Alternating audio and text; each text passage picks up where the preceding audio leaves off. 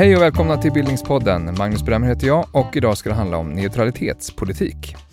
Med mig i studion här på Stockholms universitet finns Susanna Erlandsson. Varmt välkommen hit. Tack så mycket. Vem är du? Väldigt existentiell fråga så här på eftermiddagen. Jag är historiker, jag är forskare på Uppsala universitet och jag är redaktör för Historisk tidskrift. Jag disputerade 2015 på en avhandling om säkerhetspolitik, om svensk och nederländsk säkerhetspolitik. Det är väl därför jag sitter här idag. Ja, jag tänker vi ska komma in lite på några av sakerna som står i din avhandling. Eh, men vill du börja med, för, för lyssnare som inte har någon aning om vad neutralitetspolitik är för någonting, hur skulle du definiera det? Ehm, ja, det allra första jag skulle säga är att man ska komma ihåg att det är en skillnad mellan neutralitet och neutralitetspolitik. För neutralitet, neutral, det kan man bara vara i krig.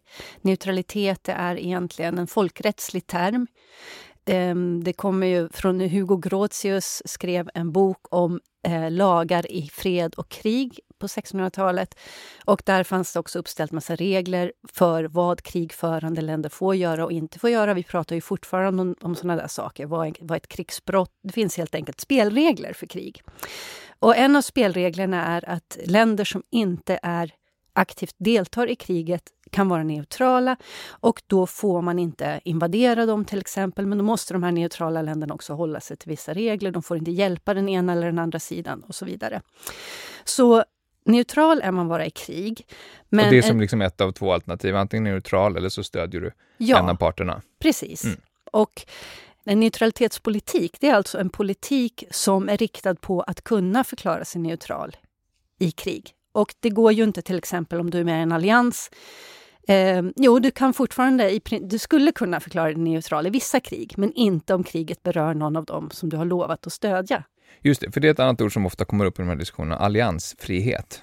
Ja, precis. Och säg någonting mer om hur de där två sakerna förhåller sig till varandra. Många, många använder ju begreppen alliansfrihet och neutralitet som om det betydde samma sak. Det används väldigt ofta så att Sverige är neutralt, men egentligen är ju Sverige alliansfritt. Ehm, det stämmer inte heller riktigt längre i alla fall. Men alliansfrihet det är alltså en fredstida politik som möjliggör neutralitet i krig. Det är inte så att det nödvändigtvis är så att man måste vara neutral i krig för att man är alliansfri, men man kan ju det. Om man är alliansfri i fred, då har du inga förpliktelser. Då bryter det krig ut, så kan du välja att stå utanför det kriget. Och det kan man kanske inte om man är med i en allians och någon i alliansen är inblandad. Just det, och vi kan komma in på fler exempel där man ja. kan beskriva det här lite mer konkret i detalj. Alltså Sverige är ju känt och i vissa avseenden ökänt för sin neutralitetspolitik. Mm. Um, hur gammal är den svenska neutraliteten egentligen? Eh, ja, man hör ofta nu, eh, senaste tiden, jag har hört väldigt många gånger på radio eller tv att eh, Sverige har varit neutralt i 200 år och vi har ju haft fred i 200 år så neutraliteten har tjänat oss väl och sådana här saker. Världsrekord till och med läser man ibland. Världsrekord, ja. Fred. Och då får man ju intrycket att det är en politik som vi haft i 200 år. Mm. Men det stämmer ju inte riktigt. Det som stämmer är ju att vi inte har varit med i krig på 200 år. Och som jag sa så är ju neutralitet egentligen det är ju någonting man är i krig, neutral i krig. Så, så det, säger, det är ungefär som att säga samma sak. Som att säga ja, vi har varit neutrala, vi har inte varit i krig. Um, det är inte riktigt, uh, stämmer inte riktigt, för vi har, vi har inte varit strikt neutrala i alla krig faktiskt. Men um, det som är viktigt att veta också är att Eh, i början, alltså från, efter Napoleonkrigen i början på 1800-talet, från 1815 tror jag man brukar räkna att Sverige har, då, eh, när man räknar de här 200 åren, eh, varit neutralt. Men då har ju det varit eh, inte en, som en medveten politik att nu ska vi, härifrån och med nu ska vi vara neutrala. Utan det har väl mest bara blivit så. Det var ju en fråga om militär svaghet egentligen i de flesta fallen att vi har inte råd att gå med i krig och vi har inte eh, kapaciteten. Sen, sen har det varit flera eh, tillfällen då det har funnits en tvekan. På 1800-talet så var det krig mellan Danmark och Tyskland ett par gånger, eh, till exempel. Och då var det uppe till diskussion om Sverige skulle gå in på Danmarks sida och så gjorde man inte det till slut. Men det var ju inte självklart, så det var väl mer... Skulle säga att en stor del av den här perioden har det varit mer en, en eh, självständighetspolitik, kanske man kan säga. Mm. Så att Sverige har varit alliansfritt med eh, som en sorts eh, politik för att ha möjlighet att välja i varje enskilt fall. Så det har inte varit en fastlagd neutralitetspolitik, det är någonting annat. Och det, har, det fick vi egentligen inte förrän efter andra världskriget. Men om man tänker, då har man ändå fallit tillbaka på de här, du talade om Grotius på 1600-talet, att det har funnits krigsregler där neutraliteten har varit ett alternativ. Och då har man ändå, under de här 200 åren har man tydliggjort att ja, men vi är neutrala i det här kriget. Det är en uttalad hållning då i de, i, i de ja. fallen där det har varit så. Den här krigsrätten gäller, nu är inte jag specialist på folkrätt, men eh, om jag inte misstar mig så gäller den även om man inte har förklarat sig neutral. Eh, länder som inte deltar och som då inte stödjer eh, andra deltagande länder. Det finns vissa regler. Mm, de ska betraktas som neutrala och inte, inte kunna invaderas. Precis, mm. och det, det håller ju inte heller alla gånger förstås. Nej. Det finns många exempel på neutrala länder som har invaderats. Mm. Så det är ju ingen säkerhetsgaranti direkt. Nej.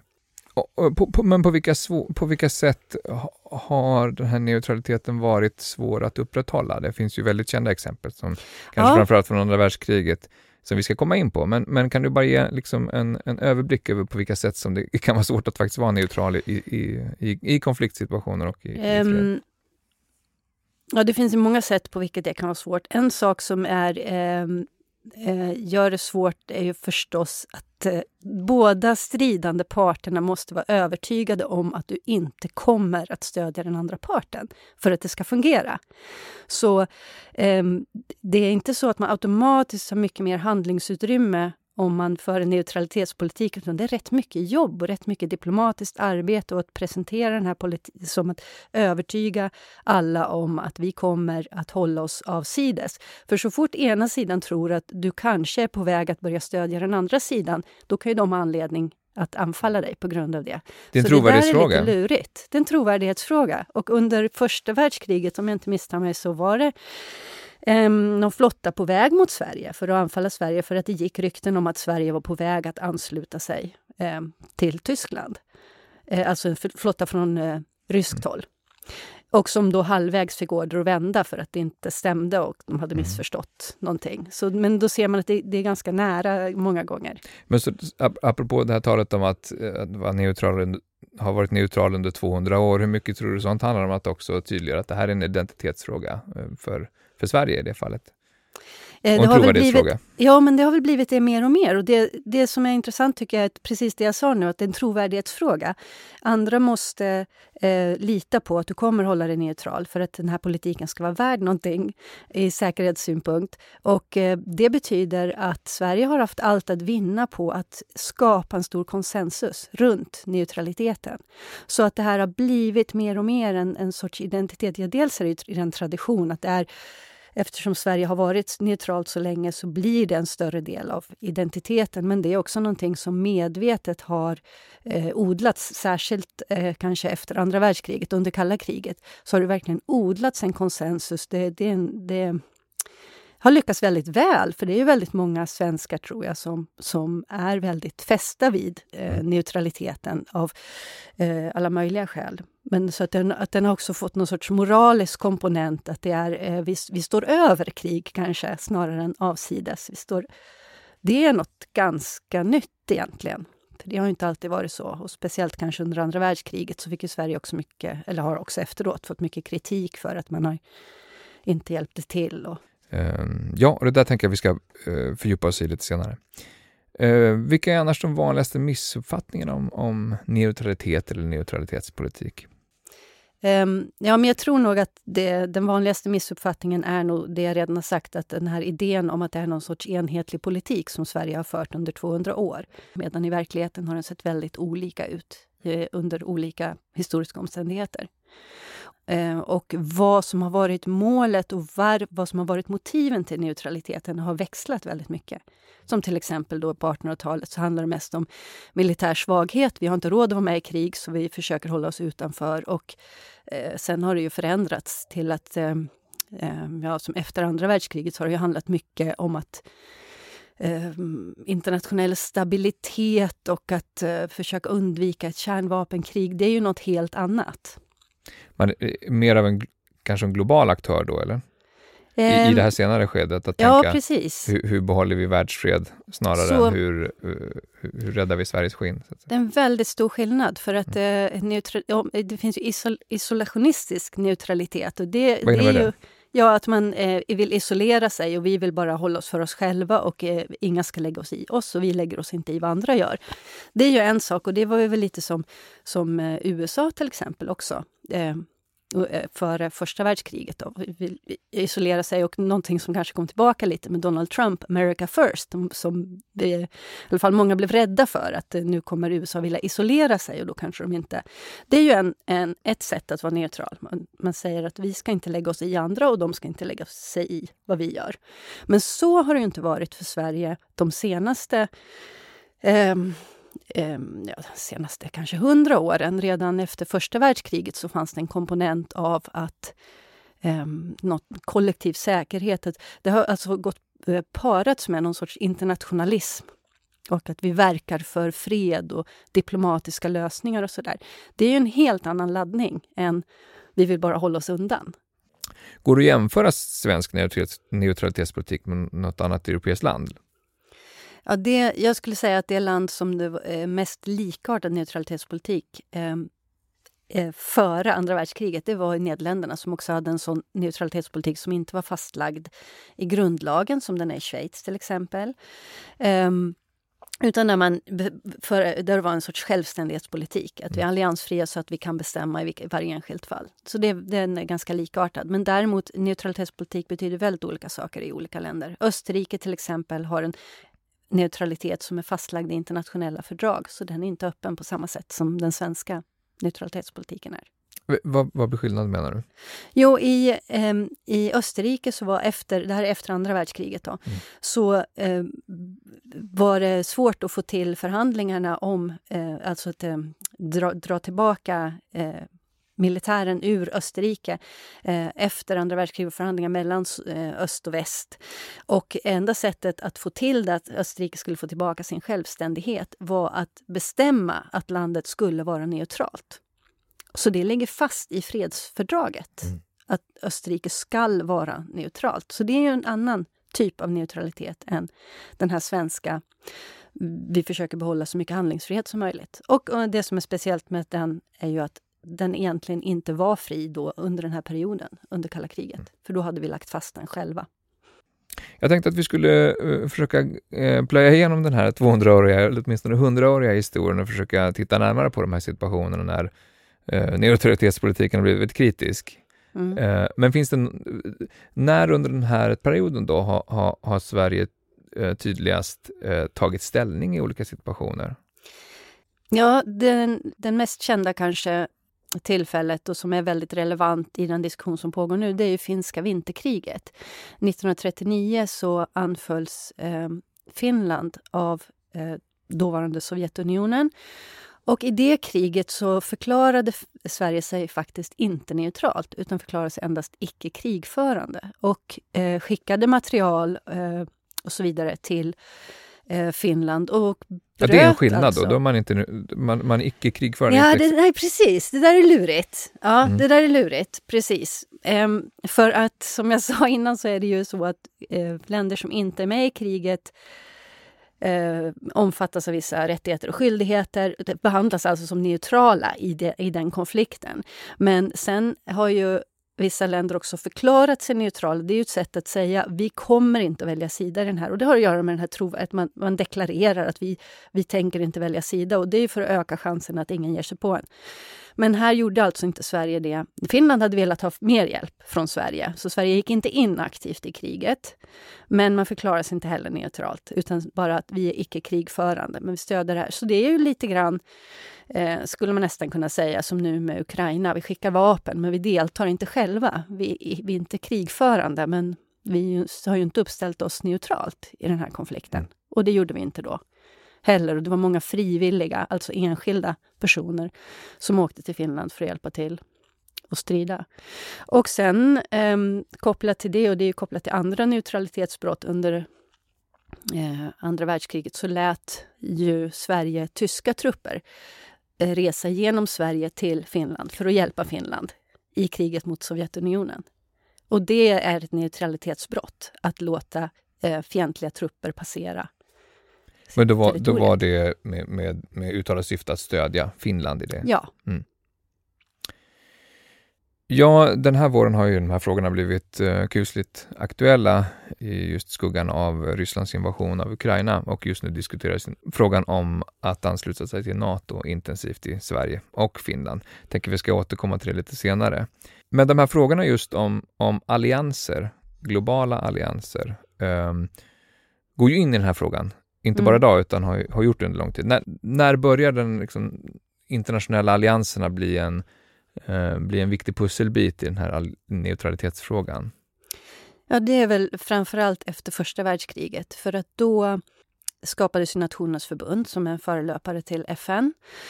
Och det med, med en tanke att vi måste skapa en organisation där konflikter kan lösas fredligt och med hjälp av folkrätten och så att vi inte behöver kriga, att vi inte ska ha krig med varandra. Så det fanns ganska mycket väldigt idealistiska idéer om Nationernas förbund. Men ehm, och nu för tiden tror jag så är vi väldigt benägna att se både Nationernas förbund och FN som något helt annat än Nato. Alltså det är inte, vi ser inte det som en allians. Men så var det inte riktigt när de dök upp för att eh, Nationernas förbund diskuterades väldigt livligt i Sverige. Det var inte alls självklart då att Sverige skulle gå med för att eh, då, skulle, då diskuterar man alltså att då ger vi upp vår neutralitetspolitik. Mm. Att eh, man kan inte vara medlem i en... För att eh, om, om då den här organisationen skulle besluta om sanktioner så är vi tvungna att vara med. Och då, så att det fanns... Eh, eh ja, det var en livlig diskussion om det. Så det var egentligen eh, ett beslut, beslutet att gå med i Nationernas förbund eh, sågs eh, åtminstone delvis som att man gav upp neutraliteten för att istället satsa på kollektiv säkerhet. Och det där tror jag försvinner lite nu. För, för oss är det så självklart att det går ihop med neutralitet, men, eller neutralitetspolitik. Det har blivit så, men det var inte alls självklart från mm. början. Sen när det började gå, när Nationernas förbund visade sig inte fungera så bra som det var tänkt och det uppstod konflikter ändå. Då var det flera mindre länder som på 1930-talet eh, förklarade att de inte kände sig bundna av de där sanktionerna. Så då börjar man dra öronen åt sig och krypa tillbaka i den här, vi förbehåller oss rätten att förklara oss neutrala mm. i krig. Men det är så att lite av det där fortfarande finns kvar apropå överenskommelser inom EU till exempel? Ja, absolut. EU är ju också eh, när, när det är inte Sverige... en militär allians, men det finns, ju militära, eh, det finns ju överenskommelser trots allt. Precis, och det är faktiskt så att när Sverige gick med i EU så gav vi upp neutralitetspolitiken i den form den hade. Och det tror jag också, det är mm. som man inte ser så mycket i diskussionerna nu, men då ändrades faktiskt den här säkerhetspolitiska formuleringen som fram till dess hade varit att Sverige skulle ha alliansfrihet i fred syftande till neutralitet i krig. Det är en fastlagd neutralitetspolitik. Vi är alliansfria för att vi kommer att förklara oss neutrala i krig. Ja, men, men den då... formuleringen kom till i, i, i samband med inträdet i EU? Nej, Nej. Den här fanns innan inträdet i EU. Mm, Då, mm. med inträdet i EU, ändrades den formuleringen till, nu får man lyssna noga, för mm. ganska lika. Jo, under kalla kriget alltså hade vi formuleringen alliansfrihet i fred syftande till neutralitet i krig. Och 1992 ändrades den formuleringen till militär alliansfrihet syftande till att Sverige ska kunna vara neutralt i händelse av krig i vårt närområde. Mm. Så det är en helt eh, mycket mer öppen formulering. Men är det en tydlig syftning till, till Nato som en, en militär allians? Ja, och EU som mm. inte en i första hand i alla fall militär allians. Mm. För att i och med att vi gick med i... Sverige gick ju inte med i EU eh, eller EG eller EEC, var det, de tidigare organisationerna under kalla kriget, just för att vi hade en fastlagd neutralitetspolitik och det ansågs inte förenligt med den neutralitetspolitiken. Så Eh, den formen av svensk neutralitetspolitik, den har inte vi haft eh, på ganska länge, på 30 år. Mm.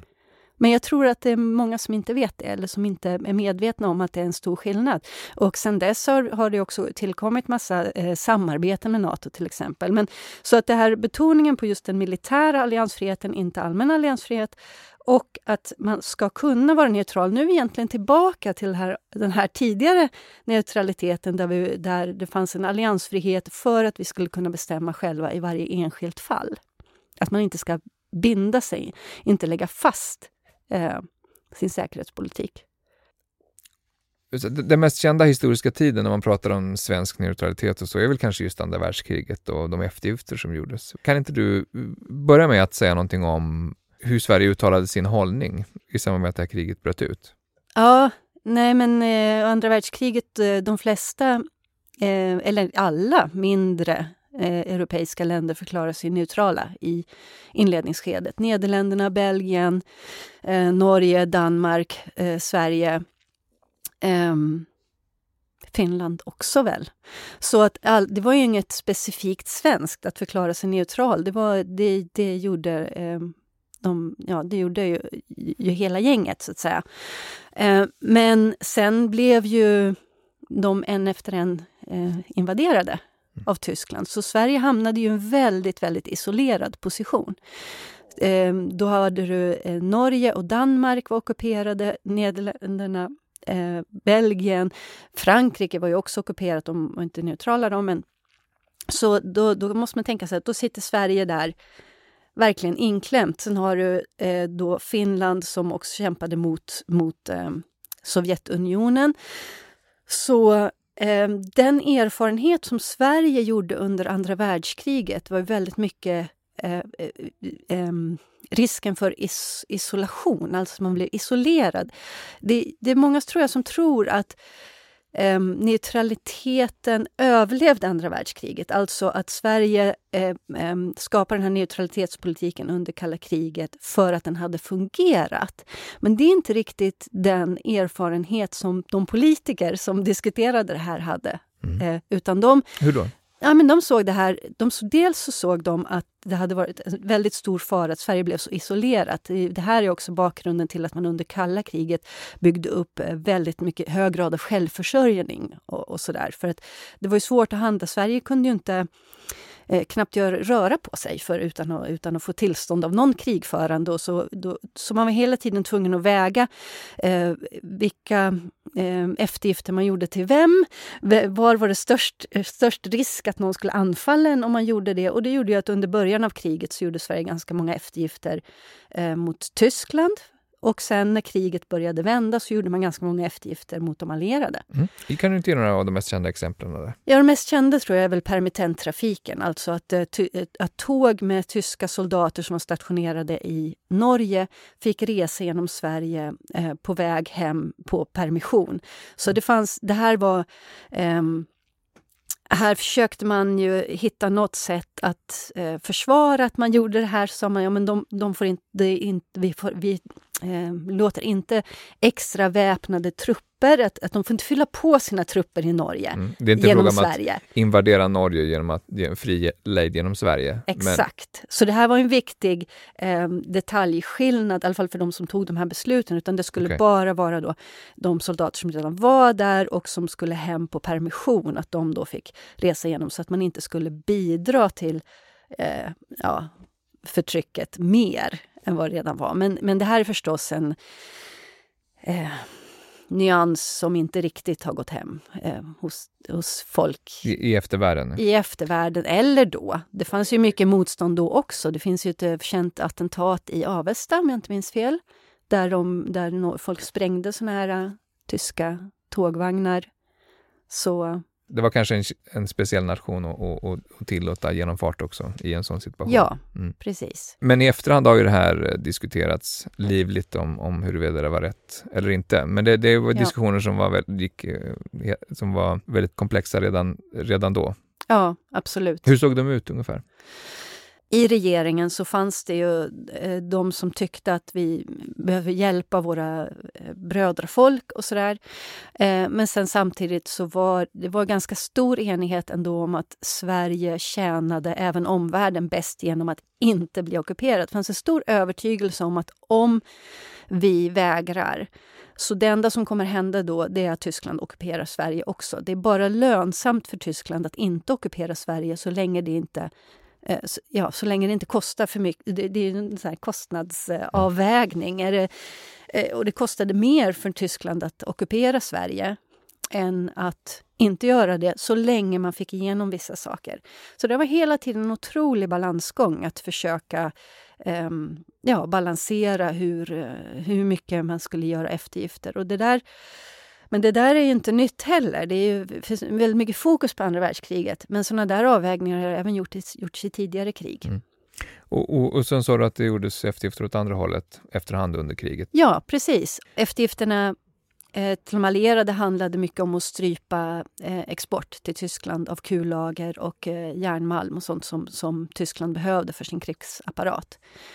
Så de sakerna eh, vart eftersom krig, ja, när krigslyckan vände så, så blev det mer eftergifter åt det hållet. Men det var också eh, någonting eh, förstås som inte är förenligt med med de här neutralitetslagarna. Mm. Man ska inte stödja den ena eller den andra sidan. Så det som man gjorde, som var väldigt eh, eh påfallande, är att det kom såna här krav och då avvisade man de kraven. Vare sig de nu kom från Tyskland eller de allierade, det här gäller båda sidor, både tidigt i kriget och senare, att i princip avvisades alla krav.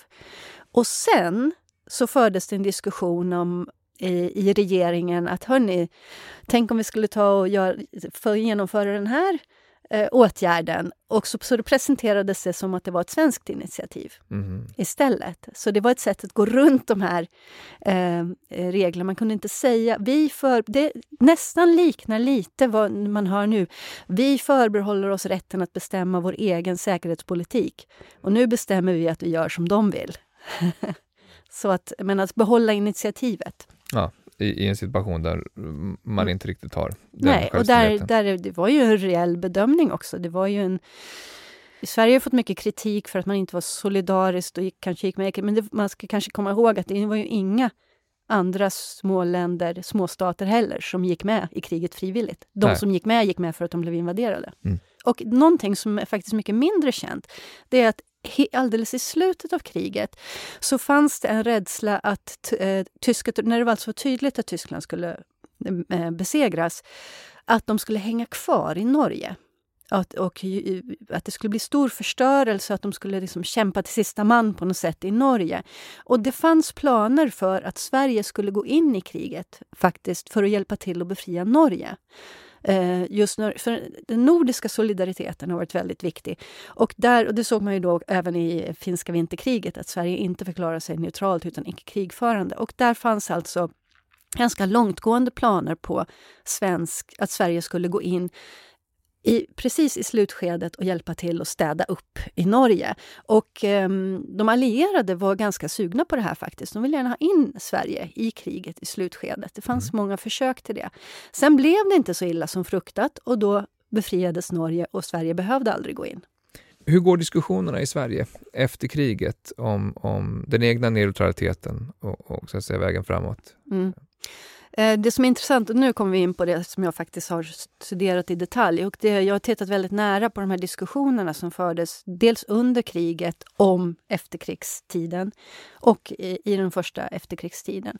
Och det man ser då är att det är väldigt lite diskussion egentligen om neutraliteten i, som att den är någonting i sig som man eh, vill, hur ska vi göra för att kunna fortsätta vara neutral? Den diskussionen finns inte, utan det, den diskussion som finns är nu måste vi göra någonting för att se till att upprätthålla freden, någonting som fungerar. Nationens förbund hade fallerat och eh, vad ska vi ha nu? Så att, eh, diskussionen väldigt mycket inriktade på ett nytt system av kollektiv säkerhet. Om det fanns en lektion, tror jag, som alla småstater i Europa i alla fall drog efter andra världskriget, så var det att ingen liten stat klarade sig ensam längre. Så det fanns en väldig stor konsensus om att man inte fick isolera sig. Och det här, jag menar, det här är ett, eh, det jag pratade om redan, att Sverige var isolerat under andra världskriget. Tänkte, och, eh, och man hade sett, sett att land efter land bara blev uppslukat av den här tyska krigsmaskinen.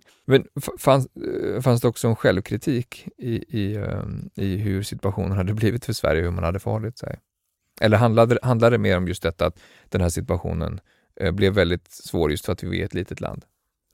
Alltså det som fanns väldigt starkt bland den här eh, folk i regeringen och så, att det fanns någon sorts dåligt samvete gentemot Norge och Danmark. Mm. Samtidigt fanns det också ett försvar av eh, neutralitet, så fanns det också många som försvarade som sa att tack vare att vi var neutrala så kunde vi ta emot mycket flyktingar. Och det var ju så. Det var ju väldigt, väldigt många danska judar som kom undan genom att de kunde fly till Sverige. Och det var också väldigt många norrmän som flydde över gränsen. Men i alla fall, så det fanns en viss eh, skam över att man hade övergivit de här brödrafolken. Det fanns i Sverige en väldigt stark vilja att försöka reparera relationerna med de här närmaste länderna som man på något vis så hade övergivit och medvetenhet om att de kanske inte skulle vilja det direkt, kanske inte skulle lita på Sverige. Men det man ville var, var att ha samarbeta regionalt och kände att vi kan inte klara oss som ensamt land. Måste, vi måste vara med i någon, någon form av organisation för kollektiv säkerhet. Ja, och som du nämnde där, Nationernas förbund hade ansetts ha misslyckats just i, i, i, i det avseendet att, att, att det utbröt ett världskrig, trots ja. det här förbundet. Eh, 1945 så bildas FM, 1949 bildas NATO, liksom i direkt anslutning till krigsslutet, mer eller mindre. Ja. Eh, kan du säga något bara först om, om syftet med, med skapandet av de här organisationerna? Ja, syftet var ju ja, egentligen samma som Nationernas förbund, att skapa ett system av kollektiv säkerhet som skulle hindra krig från att bryta ut. Eh, man ska komma ihåg att atomvapnen dök upp i slutet av kriget. Det här är jätte, jätteviktigt, för det betyder att hela sättet man förde krig förändrades. Nu har ju vi sett att vi har levt lång tid, vi har haft konflikter utan att eh, det här atomvapenkriget har brutit ut. Men då så fanns det en um, en, en sorts... Mm, vad ska man säga? Det kändes väldigt akut. att vi må, Nu får det inte bryta ut krig igen, för nästa gång det bryter ut krig, då kommer hela världen gå under. För nu mm. har vi de här fruktansvärda vapnen. Mm. Um, så att det fanns en, en väldigt stark känsla av att nu måste vi samarbeta eller gå under. Det här är, nu står vi inför civilisationens undergång om vi inte samarbetar. Så det var väldigt högt på agendan. Vi måste få till en fungerande organisation för kollektiv säkerhet.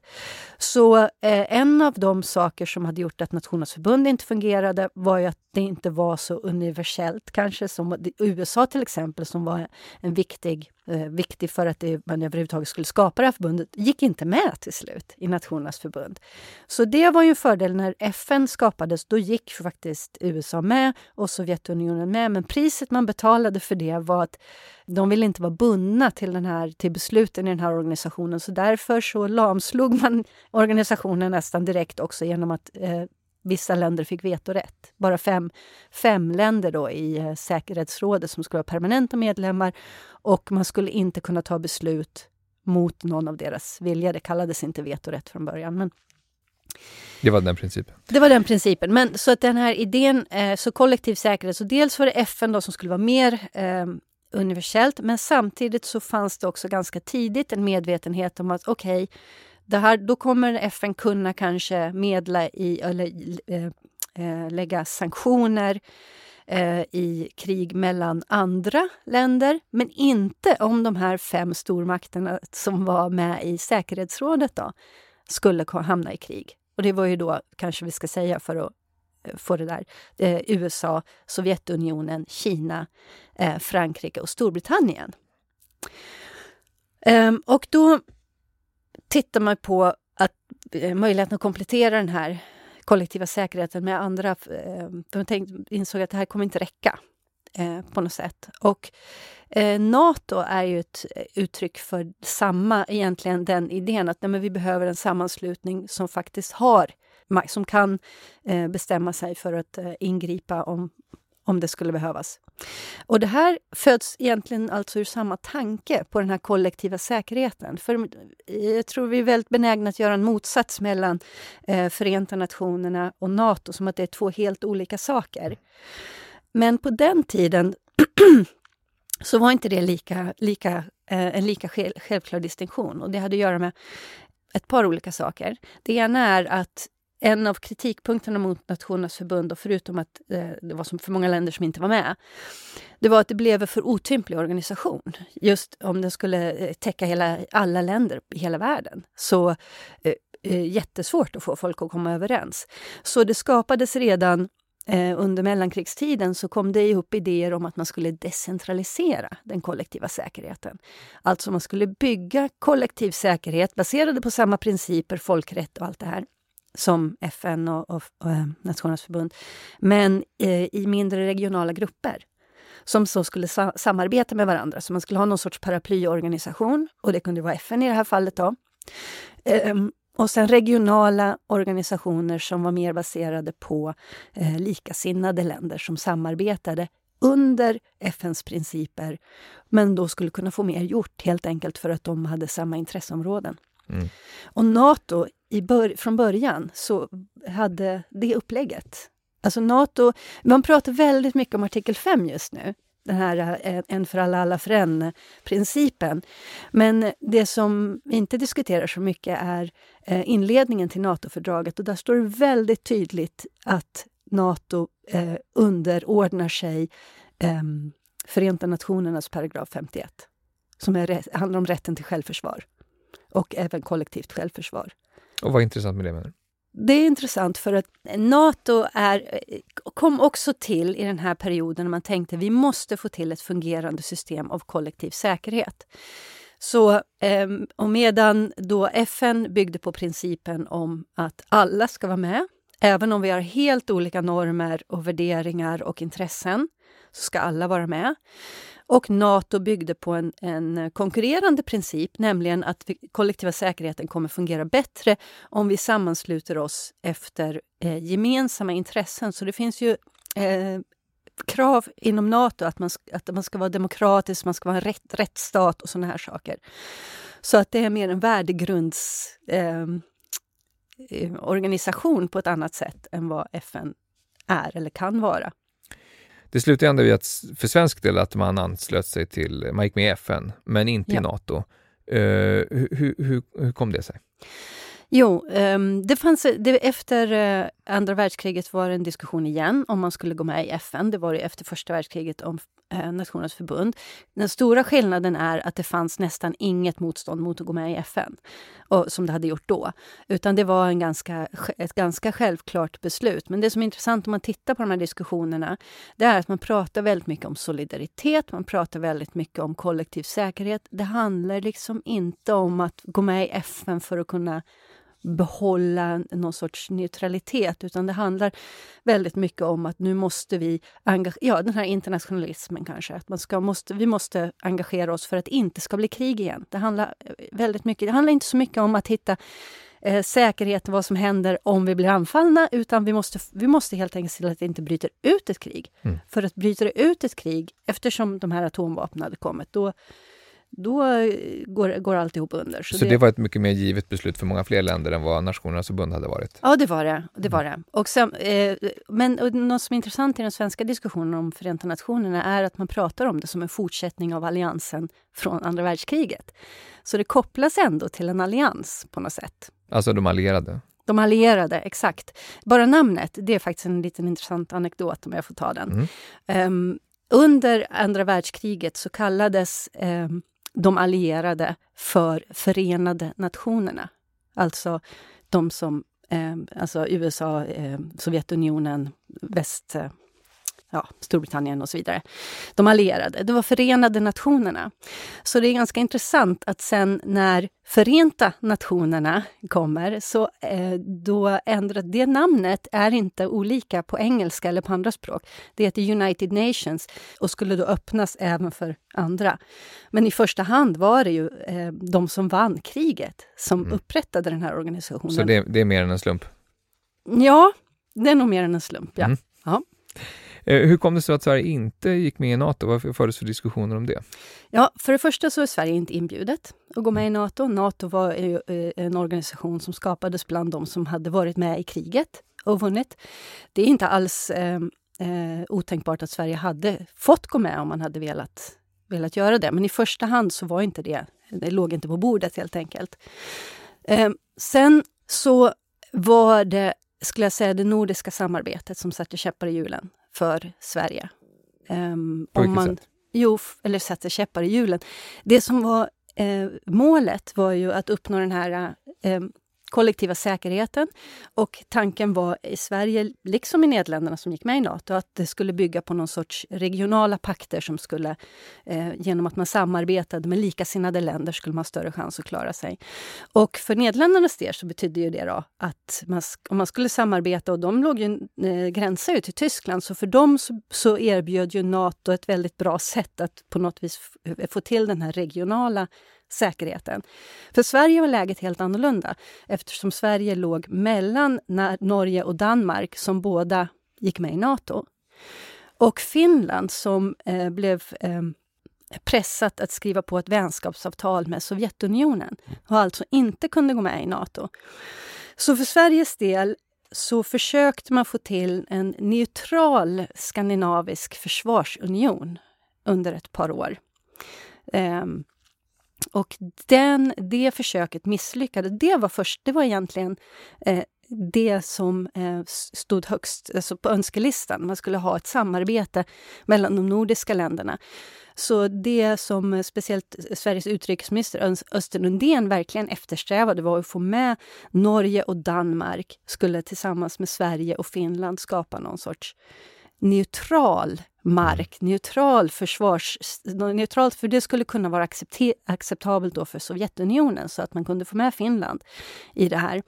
Och, skapa en, eh, en lite större isolationism då kanske? En lite större, ja precis. Att vara Men isolerade tillsammans ja. i Norden. Och då mm. skulle man ju ha utväg, om man har Norge då, då har du i alla fall eh, havet där och mm. sådär. Mm. Men Norge och Danmark vill ju inte det. Framförallt Norge ville verkligen inte. De ville ha något, någon form av samarbete med Nato som skydd. Och då eh, funkade inte det. Och det här har tolkats på lite olika sätt. Det är de som har sagt att det här, det här förslaget till eh, ett skandinaviskt försvarsförbund var ett sätt för Sverige att försöka rädda neutraliteten.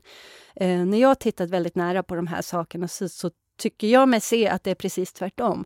Att det här neutraliteten var ett sätt att rädda det, svenska, eh, det nordiska samarbetet.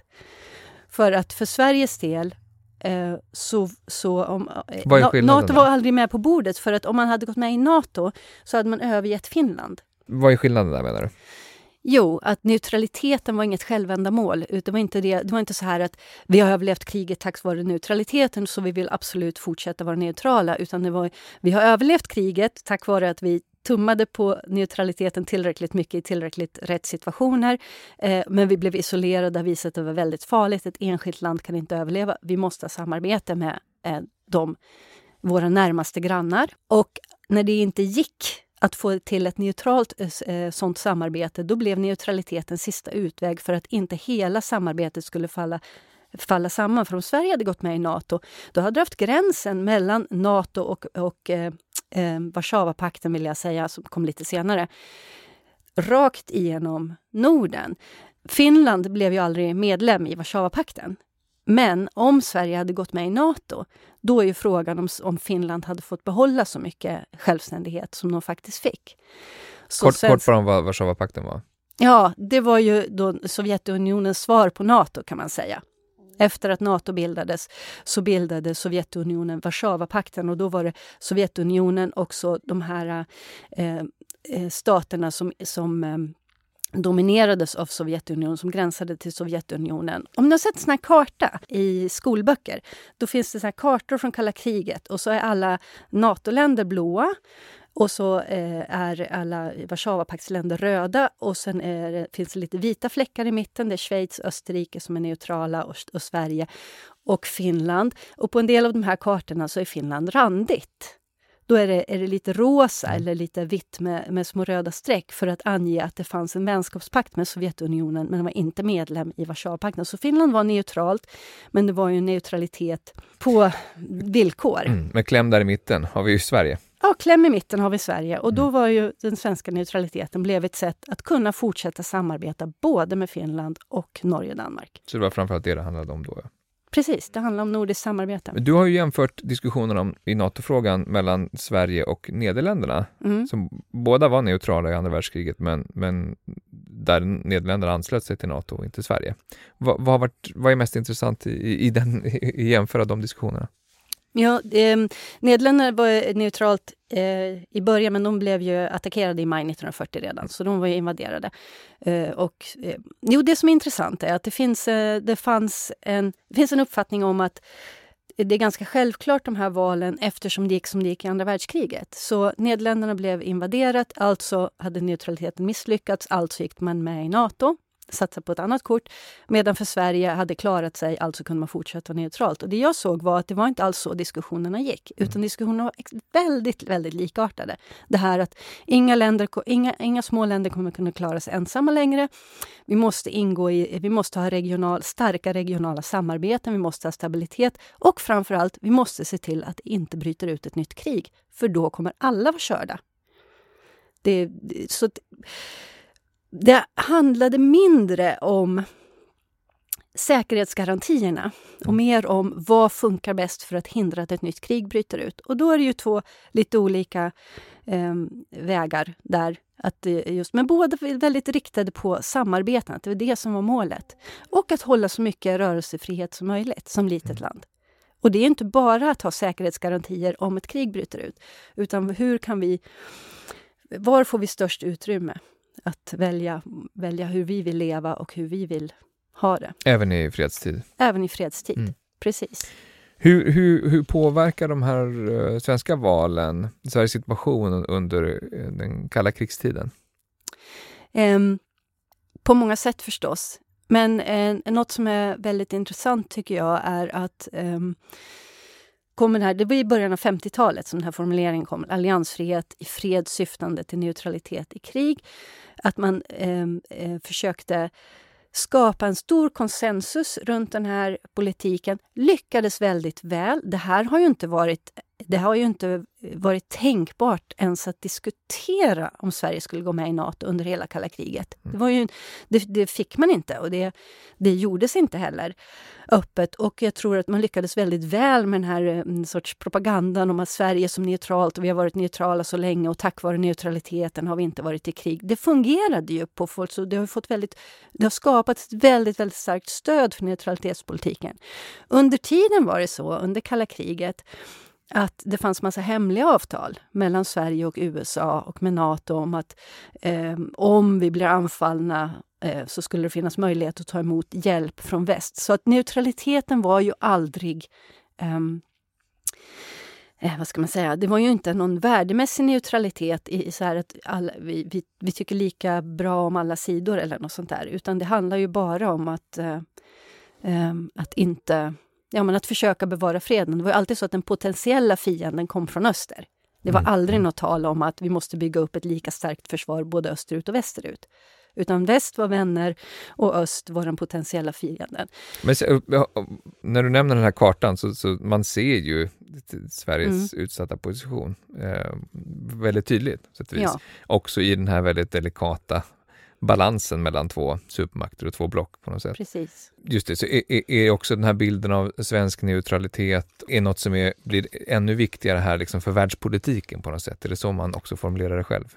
Ja, men precis. Det är ju, ja exakt. Det, eh, det blir ju, det, som sagt, från början är det ett sätt att rädda det skandinaviska, det är ändå väldigt eh, riktat på eh, vad som är bäst för Sverige och inte, inte så internationellt. Med tiden har det blivit mer laddad med att Sverige har någon sorts eh, föregångarroll och, och, och, och, kan tack vare att vi är neutrala så kan vi medla i alla möjliga konflikter. Och då har, det, sånt här har kommit in vart eftersom lite grann. Mm.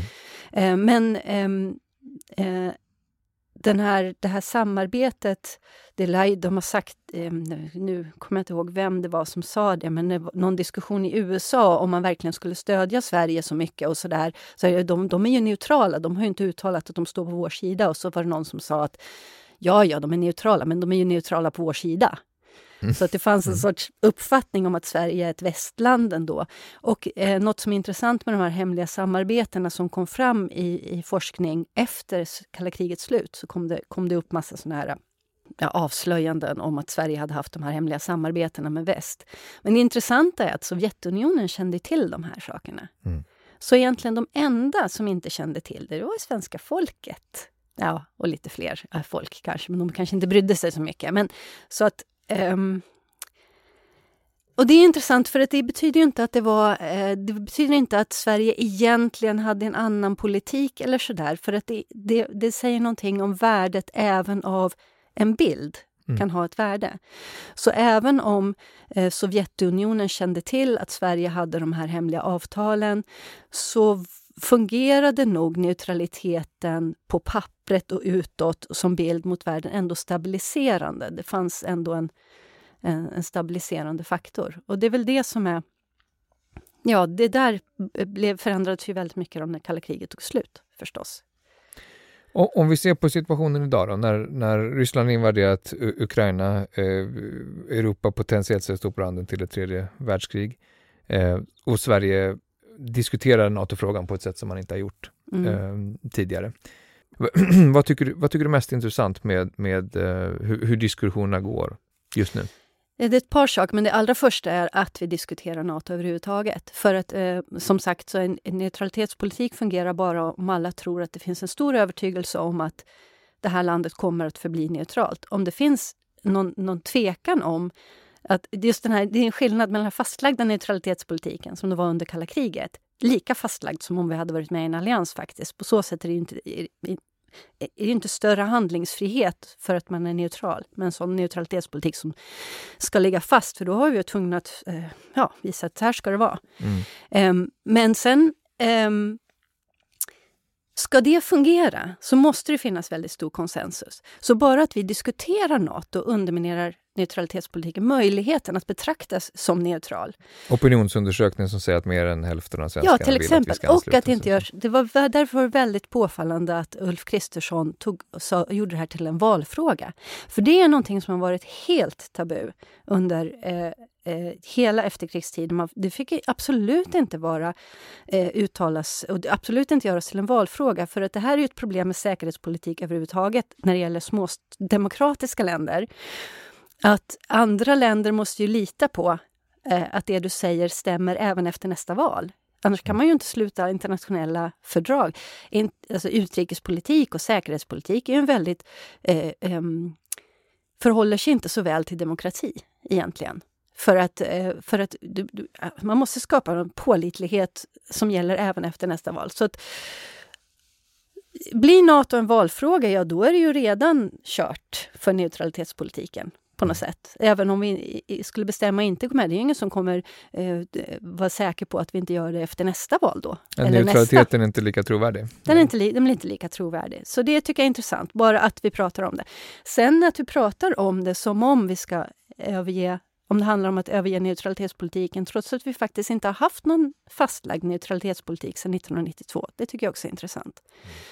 Och till sist så tycker jag det är väldigt intressant att vi kanske inte pratar som, ja, att vi pratar mindre om eh, vad som är bäst för att vi ska undvika att krig bryter ut och mer om vad ska vi göra för att, för att, för att vi ska få hjälp om vi blir anfallna. Att det är, handlar mycket mer om säkerhetsgarantier och att då eh, Nato ger bättre säkerhetsgarantier än om vi inte är med och så där. Tror du att liksom neutralitetspolitikens lite kanske dåliga rykte efter andra världskriget och det kommer upp med jämna mellanrum eh, mm. som ett svenskt svek på något sätt, att det, att det spelar in i diskussionerna idag när, när vi närmar oss en, en sån här kritisk situation på ett sätt som vi inte har gjort sedan dess? Ja, det kanske gör det. Och det kanske är någonting som vi borde diskutera. Jag vet inte. För att det är ju um, nu, nu när det har brutit ut krig i vårt närområde och vi har ju skickat vapen till Ukraina. Så, um, så har vi ju hamnat i den situation som vi försökte hindra. Så det är klart att då, och då kanske man någon gång får fråga också, vad är det vi försvarar? Så det, det kan jag sakna lite kanske i den här mm. diskussionen. Vad är, det, vad är det vi är ute efter? För jag tycker det väldigt mycket, väldigt mycket handlar om säkerhetsgarantier och där är det ju så att eh, även om vi är med i Nato är det inte säkert att vi har att vi får eh, hjälp. Det är inte så att det är automatiskt att vi får hjälp direkt om, eh, om vi blir anfallna. Det är större chans än om vi inte är med i Nato. Så det, men det är alltid det. det. är olika grader. Ja, i många av de här situationerna som, som du har nämnt nu under en ganska lång historisk period ja. förstår man ju att vad som är neutralt eh, i flera av de här situationerna, är inte helt glasklart alltid. Eh, hur, mycket, hur mycket gör det Exempelvis det som Putin har varit väldigt tydlig med att bidrar ni med vapen till Ukraina så kommer ni hållas ansvariga. Det vill säga vi betraktar er inte som neutrala, även om ni inte är krigsförande. Hur, hur viktig den dimensionen har, har, har varit historiskt, vad, vad de olika parterna i krigen definierar som neutralitet? Ja, men det är klart att det är jätteviktigt. Och jag tror att det här är någonting som eh, eh, precis allt det här jag har berättat nu också eh, visar att oavsett vad du eh, säger för, för att du har för politik, om du förklarar dig neutral eller om du... Man kom, vi kommer alltid som ett litet land vara beroende av vår förmåga att förhandla med, med de parter som är starkare och de parter som är Ehm, eh, mer aggressiva helt enkelt. Alltså de som utgör hot eller, som, eller hjälp. Så att, så att oavsett om vi väljer Nato eller någon form av fortsatt neutralitetspolitik så kommer vi att behöva oss förhålla oss till de starkare länderna.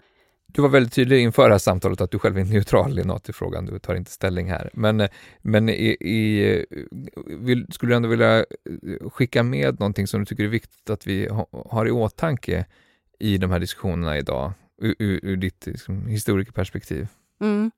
Um, det är roligt att du säger att jag är neutral i, i NATO-frågan, för neutra, neutral är ju som vi redan har kommit fram till inte något neutralt ord. Nej, nej det var kanske uh, dumt att säga inte, till en neutralitetshistoriker. Men eh, du har inte tagit ställning i den Nej, tydligt. jag har ingen uttalad åsikt och det är för att jag vet hur komplicerat det är. Och mm. uh, det, jag tycker det finns för många saker som jag inte vet och inte har koll på. Det är säkert mycket som är hemligstämplat som jag um, ja, som skulle påverka vad jag, vad jag tycker. Mm.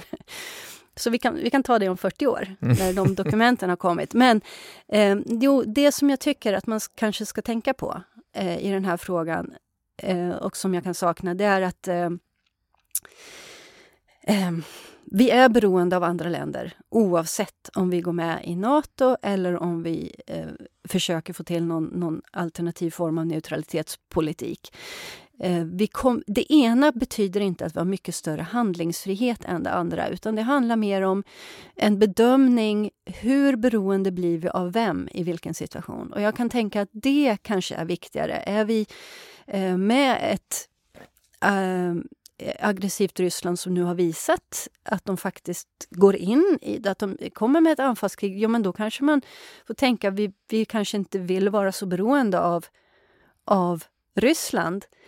Ehm, då kanske det är bättre att vara beroende av eh, västmakterna, även om det betyder att vi går med i Nato. Men som sagt, jag, tycker inte, eh, jag kan inte se vad som helst, men man ska inte tro att neutralitetspolitik per automatik ger mer handlingsfrihet.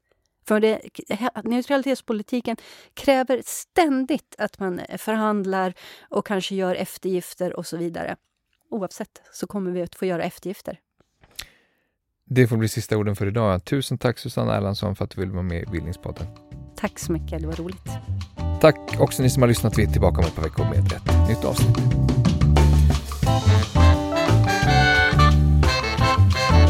Du har lyssnat på Bildningspodden, en del av bildningsmagasinet Anekdot. Fler poddar, filmer och essäer hittar du på anekdot.se.